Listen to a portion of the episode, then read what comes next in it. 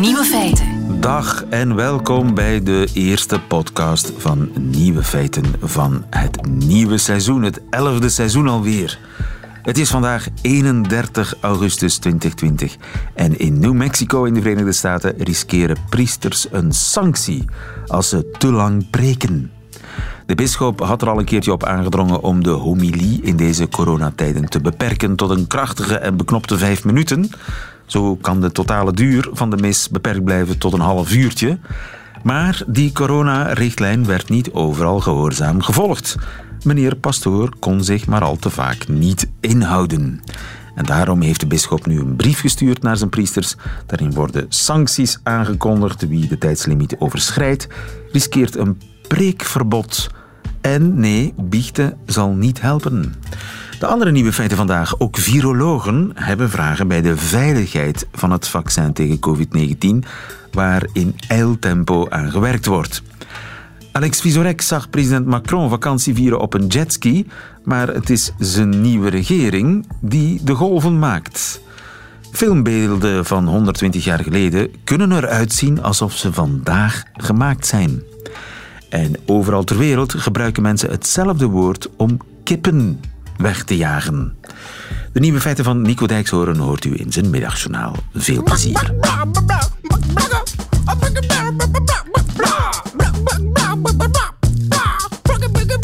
Nieuwe feiten. Wat als er een kip uw broodje wil stelen? Stel, u zit in een park op een bankje en er komt een wildvreemde kip langs die interesse toont in uw lunch. Want u heeft een broodje bij. Wat zegt u tegen de kip om haar weg te jagen? Ik zou zoiets als shoo zeggen. En dat is kennelijk geen toeval, want zo blijkt overal ter wereld zeggen mensen ongeveer hetzelfde woord om kippen te verjagen. Dat ontdekte een taalkundige in Nederland. Mark Dingemansen, goedemiddag. Goedemiddag. En gefeliciteerd met uw scoop. Ja, uh, ja een onverwachte vondst eigenlijk. Een, een kippenscoop, als het ware. Nu, Ja, dat precies. universele anti-kipwoord, wat is dat? Nou, er moet een cis-klank in zitten. Dat is eigenlijk het allerbelangrijkste. Cis-klank, dus van Australië tot de, de Afrikaanse steppes, van Japan tot in Mexico. Overal gebruiken mensen die cis-klank om kippen te verjagen. Ja, daar lijkt het op. Ja, nou moet ik zeggen, eh, taalwetenschappers eh, verzamelen dit soort gegevens meestal niet. Eh, dus het was ook vrij moeilijk om, eh, om eh, tot deze vondst te komen. Het viel mij het eerst op zelf toen ik veldwerk deed in Ghana op het Sioux, een taal die daar gesproken wordt in een bergdorp. Daar hoorde ik mensen kippen wegjagen op die manier. Ik schreef dat braaf op in mijn woordenboek. En toen dacht ik, wacht even, dat lijkt wel erg op de Engelse vertaling, op shoe. Want het woordje in het Sioux klinkt als shoe of chouet. Eh, en toen dacht ik, ja, maar hier is meer aan de hand. En dat was eh, ja, toen het haakje zich eigenlijk eh, bij mij postvatte. En toen ik dacht, hier moet ik iets meer van weten. Dus u was in Afrika om een, een woordenboek samen te stellen van een, een lokale taal. En daar Precies. bleek, de men, bleek dat de mensen hetzelfde woord gebruiken om een kip te verjagen als de Britten. Ja, exact. Ja. En dan ben je gaan zoeken in alle mogelijke andere talen wat dat woord zou kunnen zijn. Ja, precies. En de uitdaging is dus dat mensen dat nooit opschrijven. Uiteraard, waarom zou je dat niet opschrijven in een woordenboek of in een grammatica? Maar ik vond toch uiteindelijk wel 17 talen over de hele wereld van allerlei verschillende taalfamilies. En eh, eh, daarin zocht ik twee soorten dingen op. De woorden voor kip zelf en de woorden voor het wegjagen van de kip. Waarom? Omdat ja, het kan dat die woorden met elkaar meereizen. Hè. De kip is natuurlijk ook verspreid over de wereld door de mens.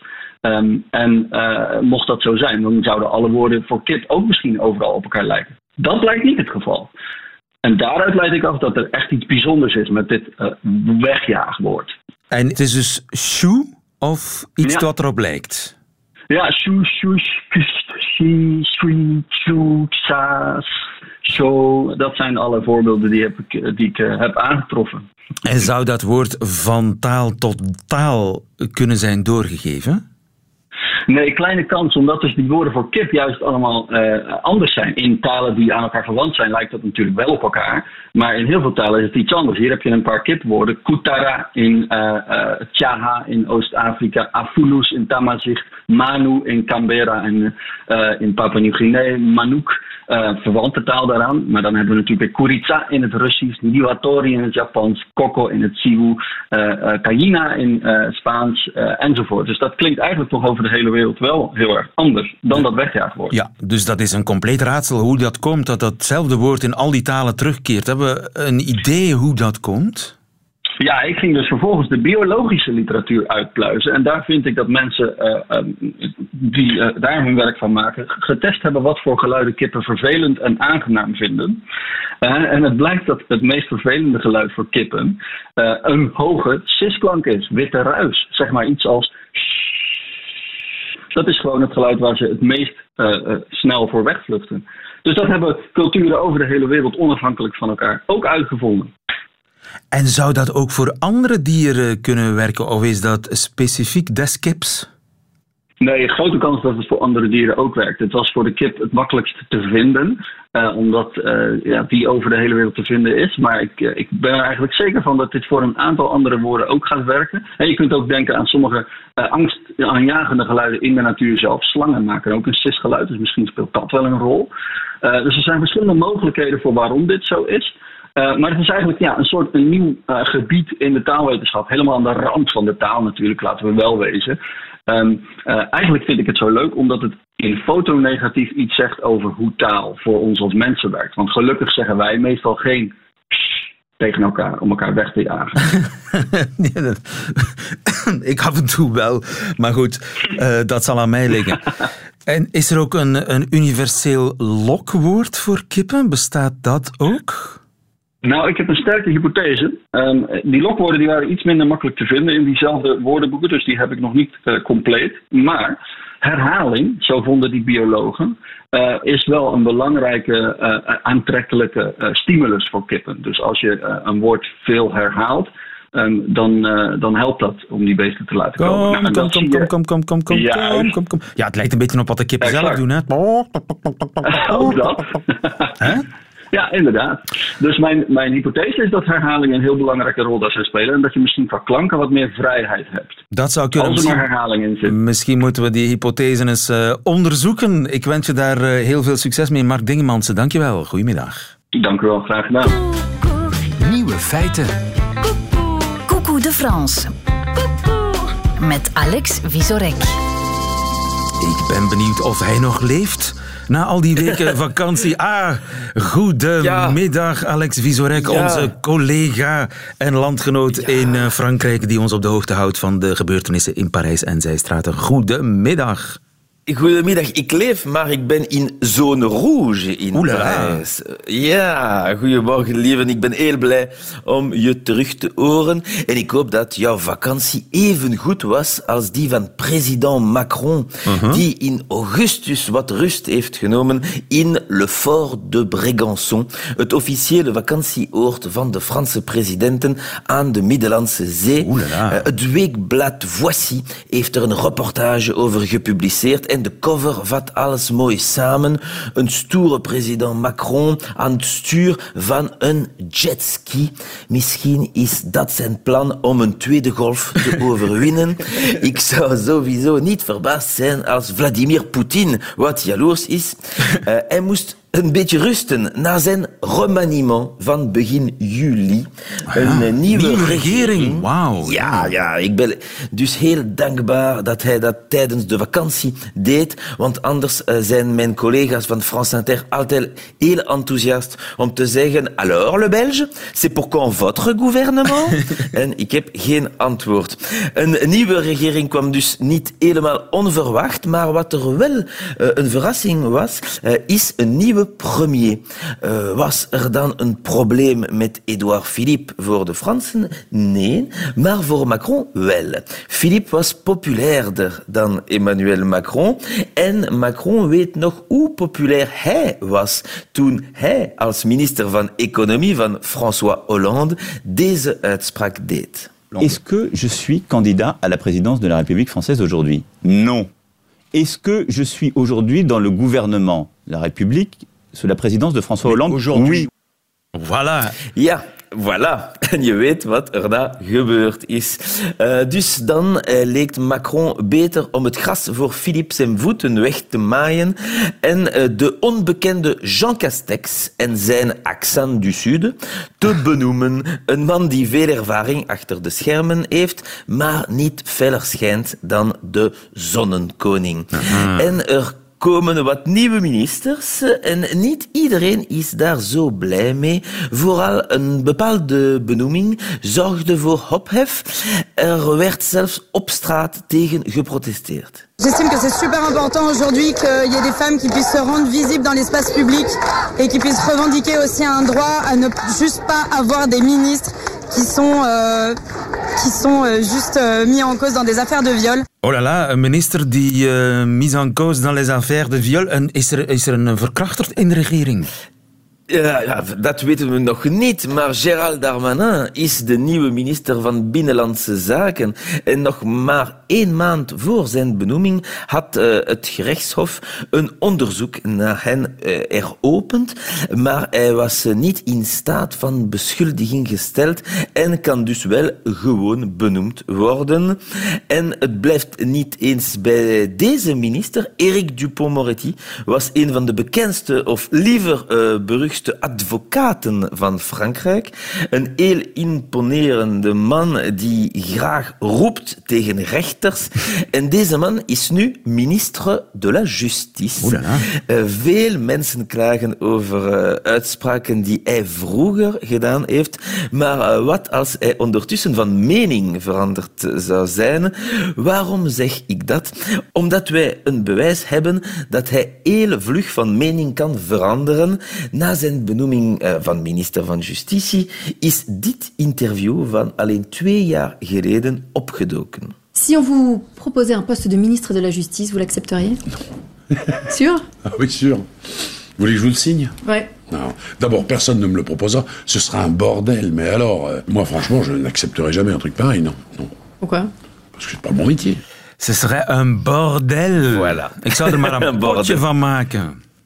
Uh, ja, en het is niet mijn job, het is niet mijn werk. Laten we open van niet. Uh, en dan de laatste verrassing van deze regering, het terugkeren van Roselyne Bachelot. Ze was een figuur van rechts, minister onder Jacques Chirac en ook minister van Gezondheid onder Nicolas Sarkozy, een beetje de Franse Maggie de Bloc. En uh, de Fransen herinneren zich nog goed hoe ze onder vuur kwam te staan in 2009, omdat zij bijna 100 miljoen vaccins tegen de griep H1N1 100 miljoen? had. 100 miljoen uh, uit vrees voor een pandemie, wat iedereen een overreactie vond. Uiteindelijk hebben maar 6 miljoen Fransen zich toen gevaccineerd. Pure geldverspilling vonden haar landgenoten, maar Bachelot was van mening dat het beter was om te voorkomen dan om te genezen. En ondertussen kunnen we haar uh, redenering al wat beter volgen. Maar ze is vooral uh, een sterke persoonlijkheid. Ook als minister zei ze altijd wat ze dacht. Uh, na een ritje op een bobslee te proberen, verklaarde ze als minister van Sport: C'est comme l'amour, on hésite au début, on trouve cela très bien pendant et on regrette que cela soit déjà terminé après. altijd uh, grappig, altijd zonder filter. Uh, en daarom besliste ze in 2012 om een uh, verrassende bocht te nemen. Ze verliet de politiek om tv-presentatrice te worden. Ook in grappige shows. Beeld je in dat Maggie de Blok met uh, politiek stopt en de ideale wereld te presenteren? Ja, ik goed en idee. Ook, ja, ja, misschien. Ja, ik de, dat proposé à, à ah, la voilà, televisie.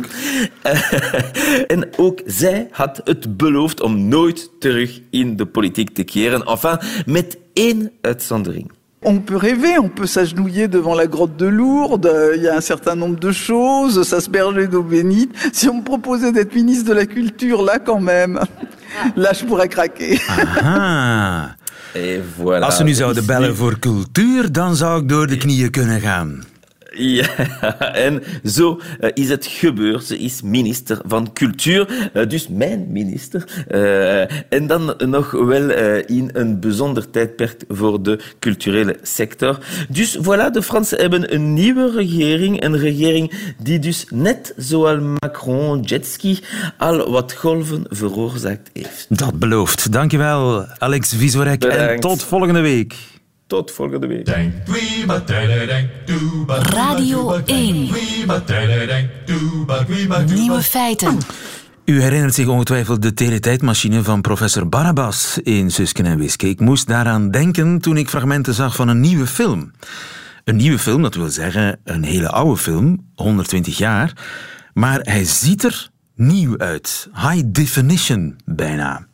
Gefilmd van op een boot in de Amsterdamse grachten of aan het strand van Scheveningen of uh, aan een plank over een gracht waar een hondenkar over moet. En allemaal zo messcherp, levensecht dat ze met een moderne camera gemaakt lijken. Vanavond is die film te zien in uh, Amsterdam in het Filmmuseum. Frank Raume, goedemiddag. Hallo, goedemiddag. Jij bent directeur hè, van dat uh, museum, of van de collecties van dat museum. Ik ben inderdaad de directeur van de collectie en tevens de eindverantwoordelijke voor dit uh, enorme restauratieproject. Het is een restauratieproject. Is het digitale hocus pocus? Is het daarom dat die film er zo high definition uitziet, alsof je ja, uit een teletijdmachine recht de 19e eeuw instapt? Ja, nou, het is inderdaad wel zo dat uh, dankzij de digitale technologie wij uh, de kwaliteit van het oorspronkelijke nitraatbeeld, wat uh, op een heel bijzonder formaat gefilmd is destijds, we hebben het over tussen 1897 en 1902, uh, dat werd gefilmd op 68 mm. Dat is een groter beeld dan 70 mm. Nee, ik maak geen rekenfout. 70 mm heeft 65 mm beeld en 5 mm geluid. 68 mm, een enorm groot beeld. Zes of zeven keer zo groot als een uh, oude celluloid film, 35. En tegenwoordig kunnen we dat digitaal vertalen. Um, nou, zo goed als één op één. En dat doen we op een hele hoge resolutie. Dat is 8K. Dat bestaat zo goed als niet. Meestal zie je 4K in de bioscoop. Dus uh, uh, dat is een enorme hoge resolutie die de briljantie van het uh, materiaal helemaal tot zijn recht doet komen. Ja, dus jullie hebben eigenlijk een eigen scan gemaakt, speciaal voor dat 68 mm beeldmateriaal. Nou, dat is, dat, wij werken samen met uh, twee laboratoria, Hagefilm in Amsterdam en Ceneric in New York. En beide laboratoria hebben um, een, een speciale uh, techniek ontwikkeld om daadwerkelijk dat materiaal te kunnen scannen. Ja, want het is niet regulier. En je moet het dan ook stabiliseren, neem ik aan, want ja, die beelden dansen meestal, hè? Die beelden dansen uh, als je niet goed uitkijkt. Vooral ook omdat uh, deze 68 mm uh, films hebben geen um, perforatie links en rechts van het beeld. Zoals dat gebruikelijk is bij een normale film. Ze werden getransporteerd door rubberbandjes in de camera. Dat kan je ook zien. Dat levert vlekjes op in beeld. Want die rubberbandjes gingen over het beeld heen. En um, dat maakt het extra ingewikkeld om het beeld te stabiliseren in de, in de scanner. Ja. En daar is dus heel veel aandacht aan besteed. Ja, en die bewegingen van die mensen die stappen, dat lijkt allemaal zo natuurlijk. In de meeste oude films is dat zo schokkerig en veel te snel. Ah ja, maar dat is echt een misverstand. Dat is omdat meestal televisiearchieven niet begrijpen dat uh, het beeld wat in die tijd, in de periode van de stille film, op 18 beelden per seconde loopt, dat wordt gewoon op video 25 beelden per seconde afgedraaid zonder dat daar een correctie op gedaan wordt. En dat is helaas dat je dat nog veel te vaak op allerlei uh, uh, televisiezenders ziet. Je kunt dat eigenlijk heel simpel aanpassen door gewoon zeven beeldjes extra te kopiëren en dan ben je er. Ja. En dan lopen de mensen plotseling weer normaal, zoals in de tijd ook gezien is. Ja, en die 68 mm film, dat was heel bijzonder. Had die, die man die die, die die beelden heeft geschoten, had hij die camera zelf ontworpen? Ja, dat klopt. Hij was echt wel een, een uitvinder, een, een, technie, een tech, tech, uh, techneut, een, een ingenieur. Uh, die, uh, het, is, van oorsprong een schot. Hij heet William Dixon. En hij werkte aanvankelijk voor Thomas Edison. Edison kennen we natuurlijk als uitvinder van de gloeilamp. Maar Edison was ook in die jaren, we hebben het over 1895, het eerste jaar van de film, was hij ook bezig met het uitvinden van een projector, een camera, de kinematograaf. En dat ding kennen kennen nog wel als een soort van eigenlijk mythoscoop. Zo'n ding waar je een, eh, een stuivertje in gooit en dan aan een hendeltje draait. En dan met je ogen in een kijkkastje zie je stilstaande beelden tot beweging komen. Eh, dat heeft het dus niet gered, want film bleek uiteindelijk een medium te worden wat collectief bekeken wordt in een zaal met mensen. En ehm, Dixon was dus in eerste instantie namens Edison betrokken bij de ontwikkeling van de kinematograaf. Maar hij voelde zich niet zo gewaardeerd door Edison en besloot voor zichzelf te beginnen. En reisde terug naar Europa. Ehm, ging hier een aantal kantoren beginnen in Amsterdam, in Londen, in Parijs, in Berlijn. En ontwikkelde zelf de camera en de projector, de uh, Mutograph, waarmee hij dat 68 mm materiaal, wat hij dus ook, dat, dat is ook zijn ontwerp, helemaal zelf uh, bedacht heeft. Dus hij, het is echt een uitvinder, deze man. Ja, en wat filmde hij? Ja, um, heel veel verschillende dingen. Veel dagelijks leven. Gewoon camera neerzetten.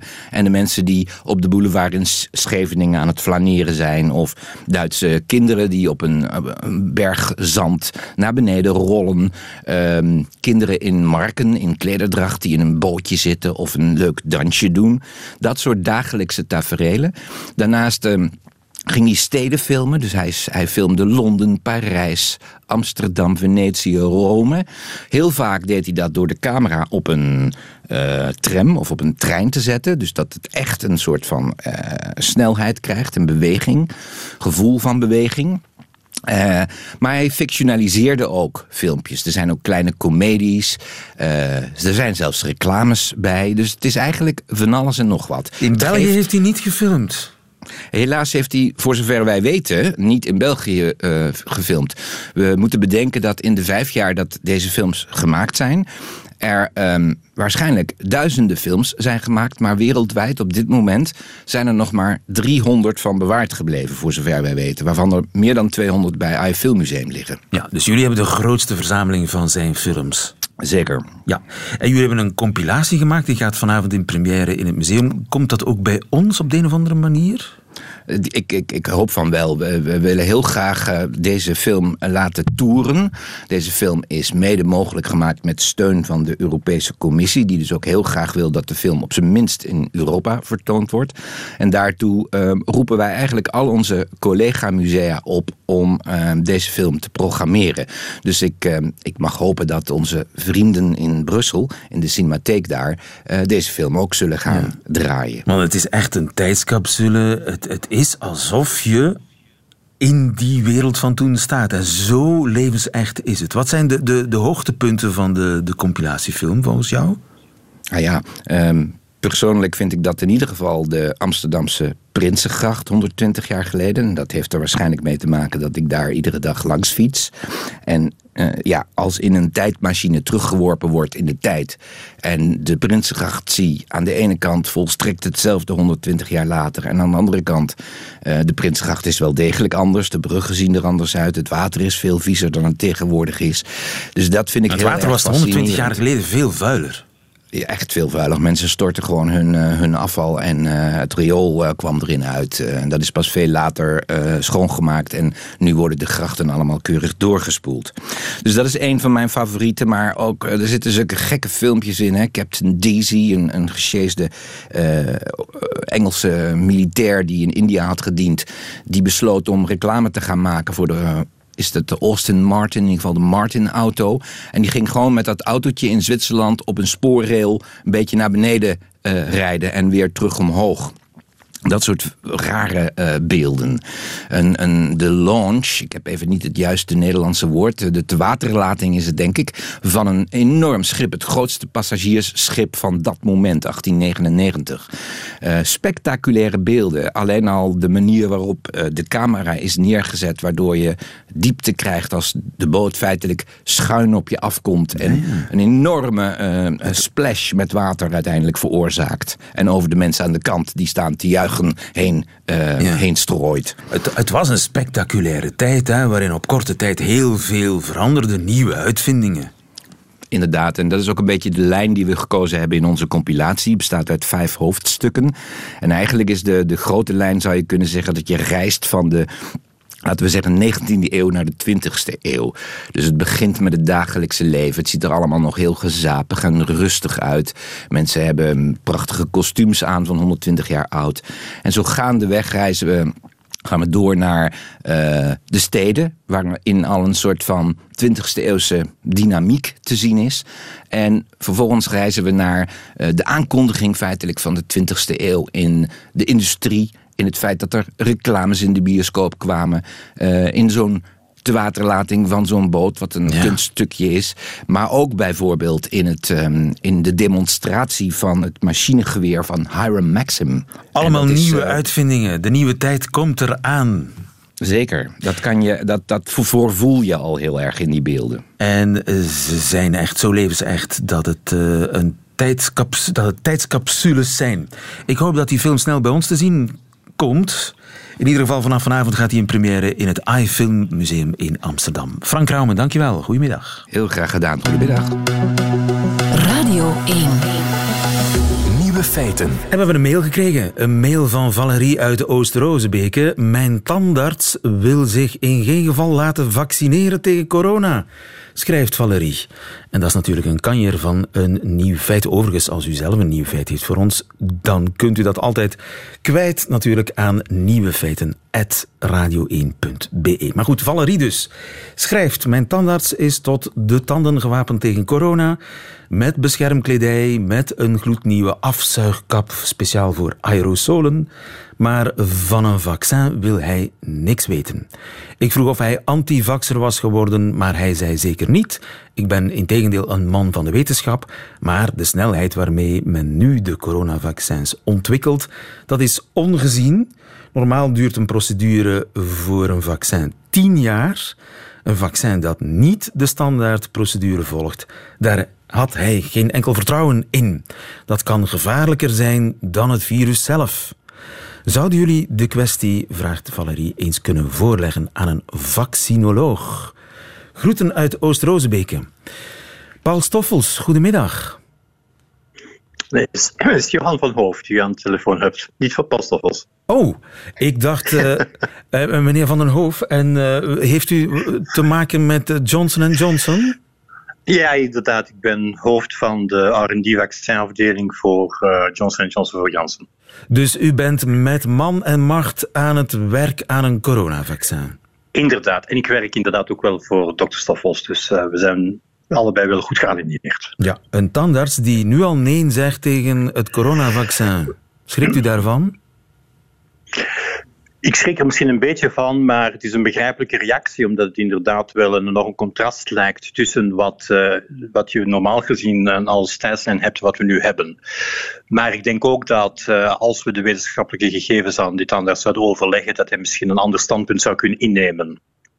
Want gemiddeld duurt het tien jaar voor een vaccin helemaal ontwikkeld is. Klopt dat? Ja. Tien jaar? Dat klopt, dat klopt inderdaad. En het is eigenlijk afhankelijk van, van het ene vaccin tot het andere. Als je een HIV-vaccin neemt, dan uh, zijn we met de eerste proeven begonnen in de jaren 90 en, en we zijn er nog altijd niet. Dus ja. dat is zeer lang. Als je naar een, een, een rotavirusvaccin gaat, dan gaat het naar vijf, zes jaar. Dus het is erg wisselend, maar het gemiddelde is inderdaad wel tien jaar. Ja, het uh, vaccin tegen geelzucht heeft ook 30 jaar geduurd voor het echt helemaal uh, ja, uitge ontwikkeld was en bij de mensen ter plaatse. Wat is eigenlijk het snelste, wat is eigenlijk het record virus ontwikkelen? Uh, dat zou ik eigenlijk moeten nagaan. Dat, uh, maar ik weet wel, de, de combinatievaccins voor kinderen, die, uh, die zijn vrij snel ontwikkeld. Maar dan is het nog altijd vijf, zes jaar. Zes dus jaar. combinatie. Zes ja. jaar is eigenlijk al heel, heel, heel snel. Is inderdaad heel snel, ja.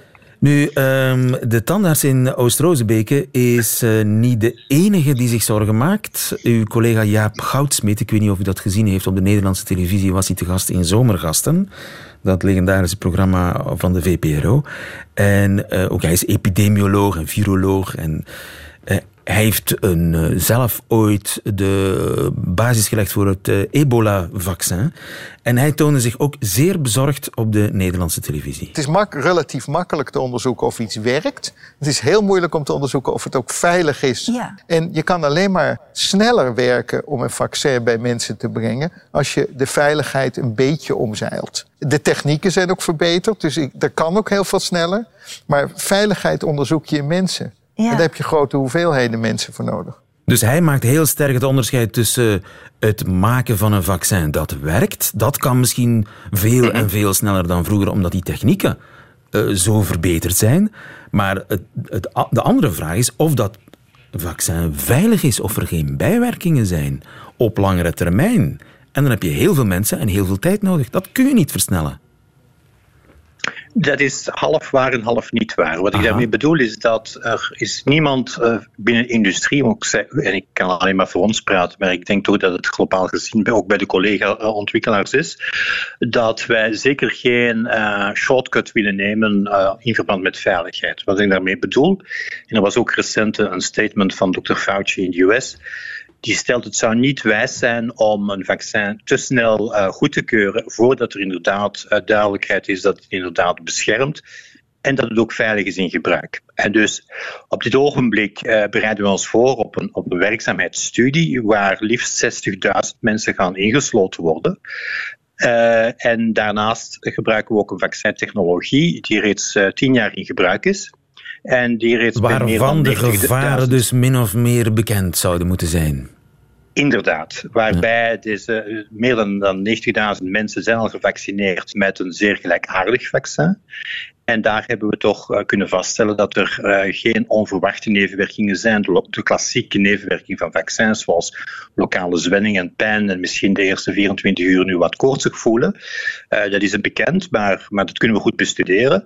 En we hebben deze mensen ook op langere termijn gevolgd en we hebben daar geen onverwachte nevenwerkingen ja. gezien. Maar dat is strikt genomen wel een ander vaccin. Dus dat is inderdaad gelijkaardig, maar toch anders.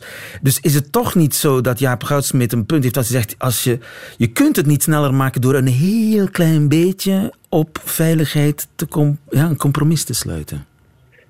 De, het compromis is eigenlijk toch wel zeer gebalanceerd. Want dus bij een klassieke, als je het dossier gaat nakijken, dan zul je gewoonlijk qua veiligheid, safety database, zien dat het uh, vaccin wordt bestudeerd bij 10.000 mensen bijvoorbeeld. Om, om het, het risico op een bepaald neveneffect dat heel zeldzaam is, ja. maar toch voorkomt. En nu zitten jullie op 60.000. Nu zitten wij op 60.000 minstens. En eigenlijk, we gaan in totaal zeker op rond. de, we doen twee studies. We gaan op totaal op 90.000 mensen gevaccineerd hebben voor er daadwerkelijk een, een goedkeuring zou zijn. Op dat ja. ogenblik heb je toch al wel een heel goed beeld van uh, de nevenwerkingen en heb je toch al uh, vlug uh, vijf, zes maanden follow-up bij deze mensen, wat je toelaat om toch een zekere graad van zekerheid te hebben. Ja. Hoe ver staat het? Wanneer mogen we het verwa verwachten? Wel, als uh, alles loopt zoals het is, en het is natuurlijk een, een researchproject, uh, daar kunnen altijd uh, negatieve verrassingen uitkomen, maar als alles loopt zoals gepland, dan hopen we de werkzaamheidsstudie nog in de loop van deze maand te starten. En dan zouden we het signaal van werkzaam of niet werkzaam moeten kunnen oppikken voor het einde van het jaar, of, of meer realistisch in het eerste kwartaal volgend jaar eerste kwartaal volgend jaar, dan zou dat vaccin er kunnen zijn. Of het dan ook beschikbaar is bij de apotheek bij mij om de hoek, dat zal dan toch niet voor volgende zomer zijn. Ik denk dat daar op het ogenblik dat uh, vaccins uh, werkzaamheid hebben getoond. Uh, de eerste batches die gaan beschikbaar worden bij ons, maar bij ook bij andere bedrijven. Zullen natuurlijk, daar zal het overheid zijn die bepaalt aan wie deze eerste vaccins worden toegediend. En ik neem aan dat zij daarin bepaalde prioriteiten zullen stellen. Ja, goed, maar nog niet voor morgen, misschien wel voor, voor ja, halfweg volgend jaar. Inderdaad. Meneer Van der Hoof, mijn excuses voor de verwarring daarnet. Dankjewel voor dit gesprek. Geen Goedemiddag. Goedemiddag, dag. Dat waren de nieuwe feiten van uh, vandaag. Hoe kijkt Nico Dijkshoorn naar de wereld? Dit is zijn middagjournaal. Nieuwe feiten. Middagjournaal. Beste luisteraars, ik begrijp dat er op dit moment van alles speelt. In de Verenigde Staten wordt een burgeroorlog uitgevochten. In Duitsland hebben betogers met een nazi-vlag boven het hoofd de Rijksdag bestormd. In Nederland gaat binnenkort de eerste doden vallen in de Zwarte Pieten-discussie. En toch, ik schaam mij daar wel een beetje voor, ben ik vooral bezig met het uitzoeken van het beste zaklampje. Even uitleggen. Het lijkt mij zo fijn om altijd een goed lampje bij me te hebben. Eentje met allemaal fijne extra's erop. Ik zou graag een lamp hebben die, als je op een camping staat, vanzelf je tent herkent. Het zou niet de eerste keer zijn dat ik in mijn onderbroek bij een vreemd gezin met ongeveer dezelfde tent naar mijn slaapzak zoek en voel dat er al iemand in ligt. Ik zoek een multifunctioneel lampje met een blikopener aan de onderkant. Dat geeft een prettig gevoel. Altijd weten voortaan als ik door bepaalde omstandigheden ooit ergens midden in een open vlakte zonder bestek terechtkom, dan kan ik naar een blik koelas zoeken en dan weet ik dat ik hem niet als een Neandertaler met een steen open hoef te slaan. Nu heb je heel veel van die zaklampjes, maar ze worden bijna allemaal verkocht in een luxe lederen etui die je aan je riem moet hangen. Dat gaat mij te ver. Mannen die iets aan hun riem hangen, dat vind ik doodenge mannen. Het staat zo ontzettend lullig. Meestal doen mannen dat om een vraag uit te lokken. Hé, hey, wat heb jij nou aan je riem hangen? En daarna volgt dan een eindeloos verhaal over de voordelen van een zaklamp die je aan je riem draagt. Dit soort mannen hebben ook vaak broeken aan met allemaal lussen. In zo'n lus hangt dan een hamer. En waarom weet niemand. Ik verheug mij eigenlijk vooral op het volgende. Volkomen willekeurig mensen op straat aanhouden ze met mijn nieuwe lampje in het oog schijnen en dan zeggen: Gefeliciteerd, u wordt 86 jaar oud. Ik geef mensen hoop in bange tijden.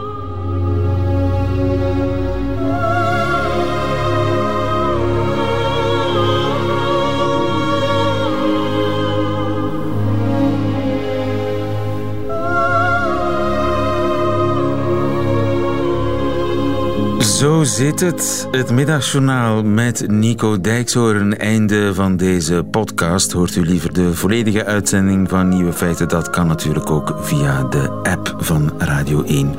Of via de site van Radio 1.